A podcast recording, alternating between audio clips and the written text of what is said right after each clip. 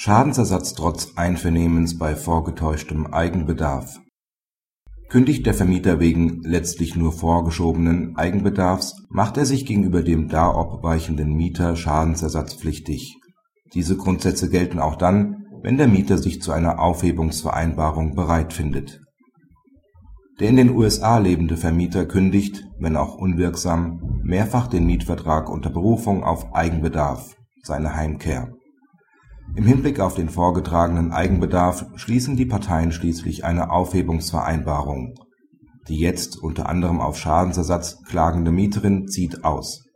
Unmittelbar danach wird das Objekt über einen Makler zum Kauf angeboten. Der BgH gesteht ihr diesen zu.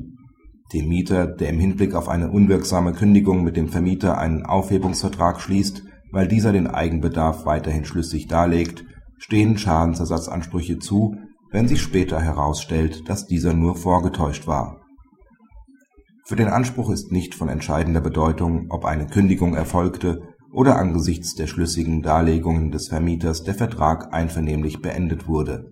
Ausschlaggebend ist nur, dass der Mieter aufgrund der Ausführungen des Vermieters das Räumungsverlangen für berechtigt halten darf und kein Anlass besteht, an dessen Ausführungen zu zweifeln denn auch dann erfolgt der Auszug nicht freiwillig, sondern infolge der Einsicht in die (vermeintliche) Rechtsposition des Vermieters. Praxishinweis. Der Entscheidung ist zu folgen: Derjenige Mieter, der sich der Darlegung des Vermieters dessen Eigenbedarf betreffend ohne weiteres, das heißt ohne Kündigung und Räumungsklage beugt, ist genauso schutzwürdig wie derjenige, der auf einer formalen Beendigung des Vertragsverhältnisses beharrt die Vertragsverletzung erfolgt seitens des Vermieters, der einen nicht zutreffenden Sachverhalt behauptet. Auf welche Weise letztlich das Mietverhältnis beendet wird, ist für die daraus sich ergebende Rechtsfolge ohne Belang.